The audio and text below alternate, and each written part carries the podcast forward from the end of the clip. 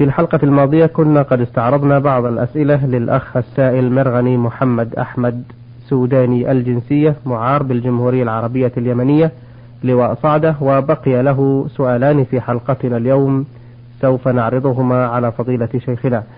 السؤال الأول يقول عملت معلما بمدرستين في السودان فأسندت لي في كل مرة الشؤون المالية للمدرسة.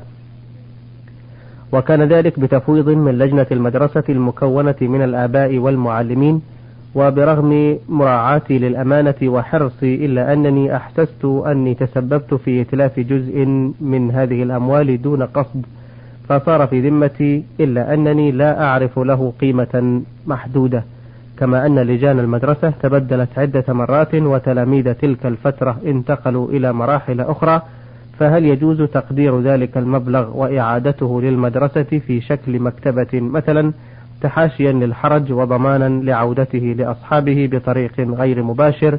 أم ماذا ترون؟ أرشدوني أثابكم الله.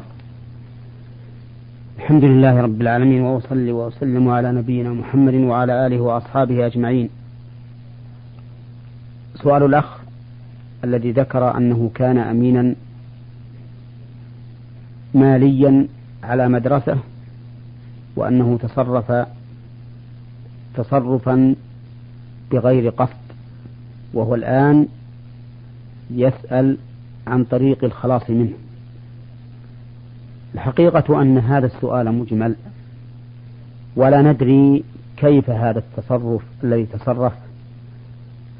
فنقول لا يخلو هذا التصرف من حالين. إحداهما أن يكون تصرفه لمصلحة نفسه فهذا قد أخطأ خطأ عظيما. وعليه أن يتوب إلى الله سبحانه وتعالى وأن يعيد ما أتلفه على المدرسة في مصلحتها الآن حسب ما تبرع به المتبرعون سابقا.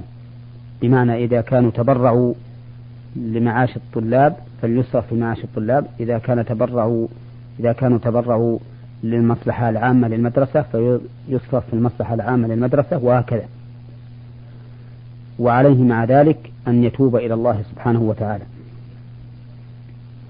أما إذا أما الحالة الثانية إذا كان هذا التصرف لمصلحة المدرسة ولكنه اجتهد ثم تبين له أنه أخطأ في اجتهاده. فإنه في هذه الحال لا ضمان عليه لأنه غير متعد ولا مفرط وإنما هو اجتهد وظن أن المصلحة في هذا العمل. ثم تبين له بعد ذلك أن المصلحة في عدمه فهذا ليس عليه إثم وليس عليه ضمان لأن الأمين إذا لم يتعد ولم يفرط فإنه لا إثم عليه ولا ضمان عليه. فنرجو من الأخ السائل أن يحقق في الموضوع هل هذا التصرف الذي ذكر خاص لنفسه أو عام لمصلحة المدرسة؟ نعم. آه، لو فرضنا أنه آه، كما تفضلتم خاص بالحالة الأولى بمعنى أنه يخص الأعيان من الطلبة وغيرهم وكما يذكر بأنهم قد تفرقوا عن هذا البلد وربما بعضهم بعيد عنه. فهل يحق له أن آه، يصرف هذا المال في مشروع يعود على المدرسة بالنفع؟ لا هو من يصرفه لما يعود لمصلحة الطلاب. ما دام أنه صرف في الأول لمصلحة الطلاب كأرزاقهم ومعاشهم فليصرف لمصلحة الطلاب الحاضرين. الموجودين. لأن الموجودين. نعم. لأن المقصود هو جنس الطلاب وليس أعيانهم. حتى الذين تبرعوا فيما سبق ليسوا يقصدون أنهم فلان أن يعطى فلان ابن فلان وفلان ابن فلان. إنما يقصدون مصلحة الطلاب في هذه المدرسة فالمقصود الجنس. بارك الله فيكم. آه، سؤاله الأخير يقول فيه تطالب زوجتي بأن أقول لها باللفظ عفوت لك عن نصف أو ربع أو خمس ما أناله من ثواب بسبب ما تصدقت به من مالي ما تصدقت به من مالي في حضوري وغيابي من طعام وكساء ودراهم في حدود ما سمحت لها بالتصرف فيه برضا مني. فهل يصح أن ألفظ لها ذلك بالتحديد بالنصف أو الربع أو الخمس إلى آخره؟ أم أن الله وحده هو الكفيل بإعطاء كل ذي حق حقه؟ وإن كان ذلك التحديد يصح فأنا لا أمانع من إعفاء جزء لها لأن رحمة الله وثوابه أوسع مما نتصور وما عنده لا ينفد. نعم. الحقيقة أن آخر السؤال هو الجواب. نعم. بمعنى أن فضل الله واسع. والمرأة التي تتصرف حسب ما يقول زوجها بالمعروف وبقصد الثواب يكتب لها من الثواب كما يكتب لزوجها من غير أن ينقص من أجل زوجها شيئا. وعلى هذا ما حاجة إلى أن يتناصف الأجر. بل نقول إن الأجر لكل واحد منكما على وجه الكمال وفضل الله واسع. والمعين على الشيء كفاعل الشيء. هذه رسالة بعث بها المستمع عبد الحليم عبد الهادي محمد حسين من إدارة الاتصالات الإدارية بمنطقة جدة. يقول أهدى إلي أحد الإخوان قصاصة تحمل وصية تشير إلى أن النبي صلى الله عليه وسلم قال للإمام علي رضي الله عنه ما نصه يا علي لا تنم إلا أن تأتي بخمسة أشياء وهي قراءة القرآن كله التصدق بأربعة آلاف درهم زيارة الكعبة حفظ مكانك بالجنة إرضاء الخصوم قال علي وكيف ذلك يا رسول الله؟ فقال صلى الله عليه وسلم أما تعلم أنك إذا قرأت قل هو الله أحد فقد قرأت القرآن كله وإذا قرأت الفاتحة أربع مرات فقد تصدقت بأربعة آلاف درهم وإذا قلت لا إله إلا الله وحده لا شريك له له الملك وله الحمد يحيي ويميت وهو على كل شيء قدير عشر مرات فقد زرت الكعبة وإذا قلت لا حول ولا قوة إلا بالله العلي العظيم عشر مرات حفظت مكانك في الجنة. وإذا قلت أستغفر الله العظيم الذي لا إله إلا هو الحي القيوم وأتوب إليه عشر مرات فقد أرضيت الخصوم. السؤال هو ما مدى صحة هذه الأقوال؟ والذي أعلمه هو أن سورة الإخلاص قل هو الله أحد تعدل ثلث القرآن. فما هو رأيكم في هذا؟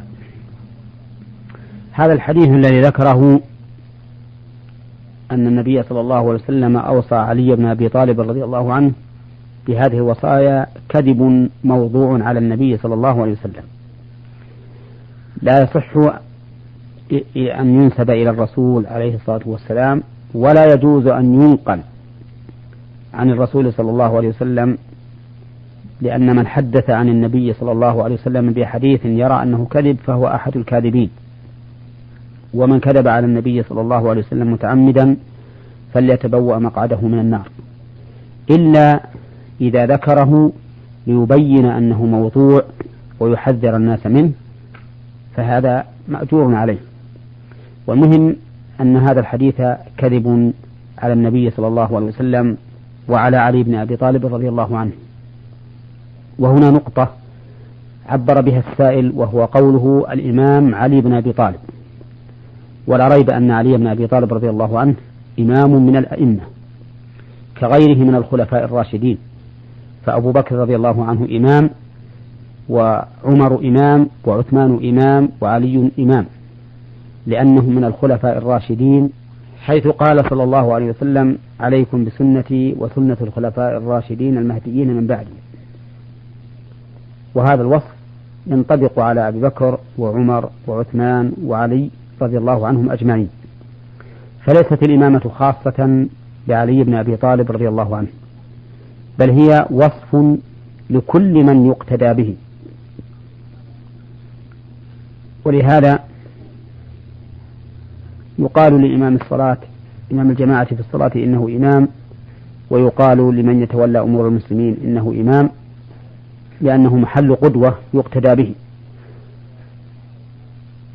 وإن بعض الناس قد يقصد من كلمة إمام أنه معصوم من الخطأ وهذا خطأ منهم وذلك أنه ليس أحد من الخلق معصوما إلا من عصمه الله عز وجل والأولياء كغيرهم يخطئون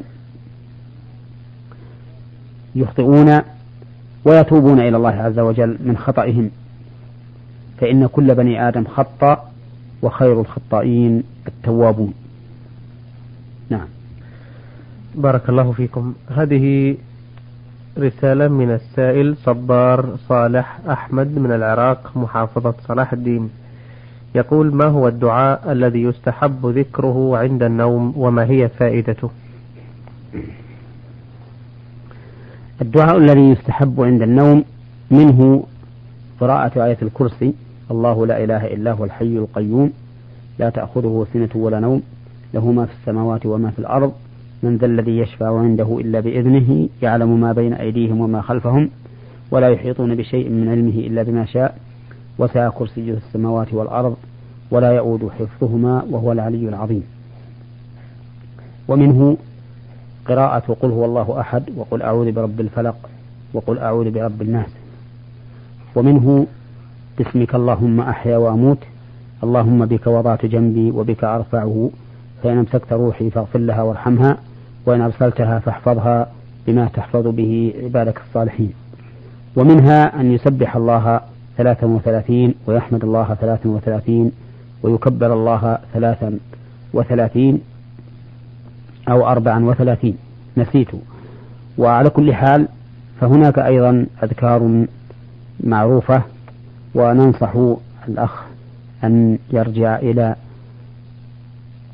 الكلم الطيب وتصحيحه والكلم الطيب لشيخ الإسلام ابن تيمية وتصحيحه للشيخ ناصر الدين الألباني وكذلك إلى كتاب الأذكار للنووي وإلى الوابل الصيب لابن القيم والكتب في هذا معروفة فليرجع إليها. ولكن ينبغي أن يعتمد على ما كتبه الأئمة الموثوقون العلماء الموثوقون لأن الأذكار كثر بين أيدي الناس تداول كتب فيها. هذه الكتب التي يتداولها الناس منها ما هو كذب موضوع على الرسول صلى الله عليه وسلم يجب الحذر منه. والمهم أنني أنصح هذا الأخ السائل وغيره أن لا يتورطوا فيما كتب من الأذكار فإنه كتب فيها أشياء لا حقيقة لها بل أشياء موضوعة مكتوبة على الرسول صلى الله عليه وسلم وأن يعتمدوا في ذلك على ما كتبه العلماء الموثوقون في علمهم ودينهم. نعم. أه، ما هي الفائدة التي أو هل هناك فوائد مصرح بها في بعض الأحاديث؟ أي نعم. نعم. أه، من الفوائد أن هذا ذكر لله عز وجل وأن الإنسان إذا نام على ذكر الله كان ذلك أطيب لنومه وأهدأ وأبعد أن يرى في منامه ما يكره مما يعرضه الشيطان عليه. ومنها أن النبي صلى الله عليه وسلم أخبر بأن من قرأ آية الكرسي في ليلة لم يزل عليه من الله حافظ ولا يقربه شيطان حتى يصبح.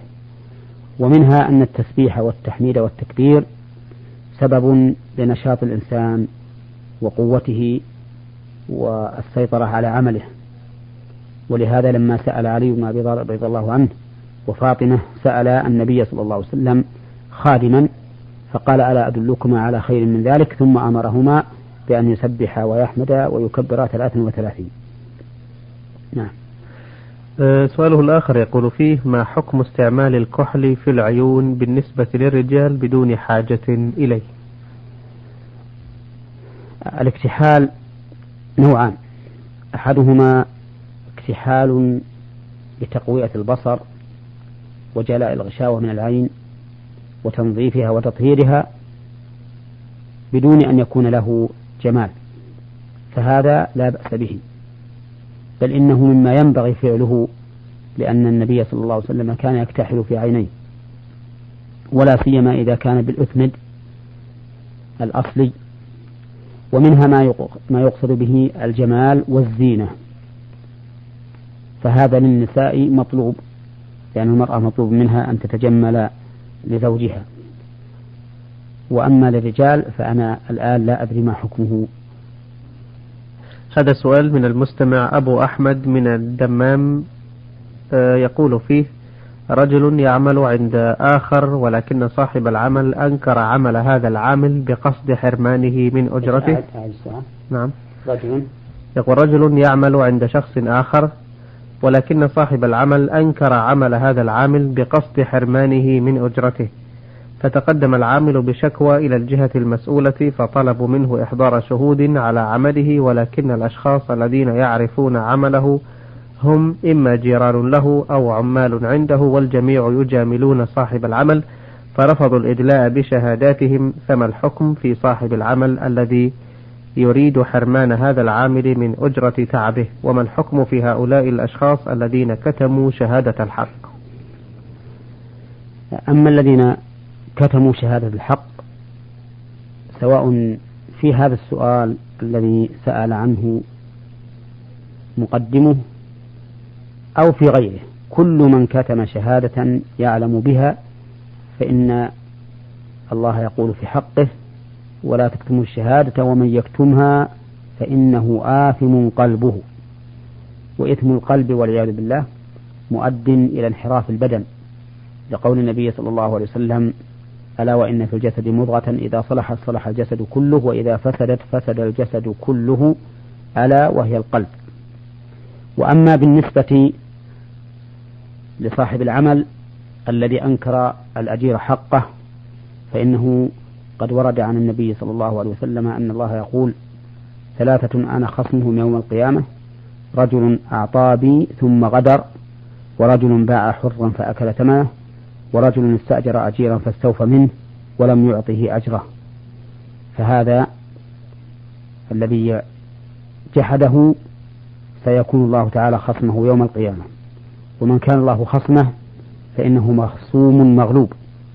فأنا أنصف صاحب العمل إن كان ما يقوله العامل صدقا أنصحه بأن يتقي الله تعالى في هذا العامل وأن يؤديه حقه قبل أن يأخذه يوم القيامة من حسناته.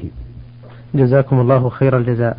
إخوتنا الكرام كان لقاؤنا هذا اليوم مع الشيخ محمد بن صالح العثيمين المدرس بجامعة الإمام محمد بن سعود الإسلامية بالقصيم وإمام وخطيب المسجد الجامع الكبير بعنيزة. وقد تفضل بالإجابة على أسئلة الإخوة مرغني محمد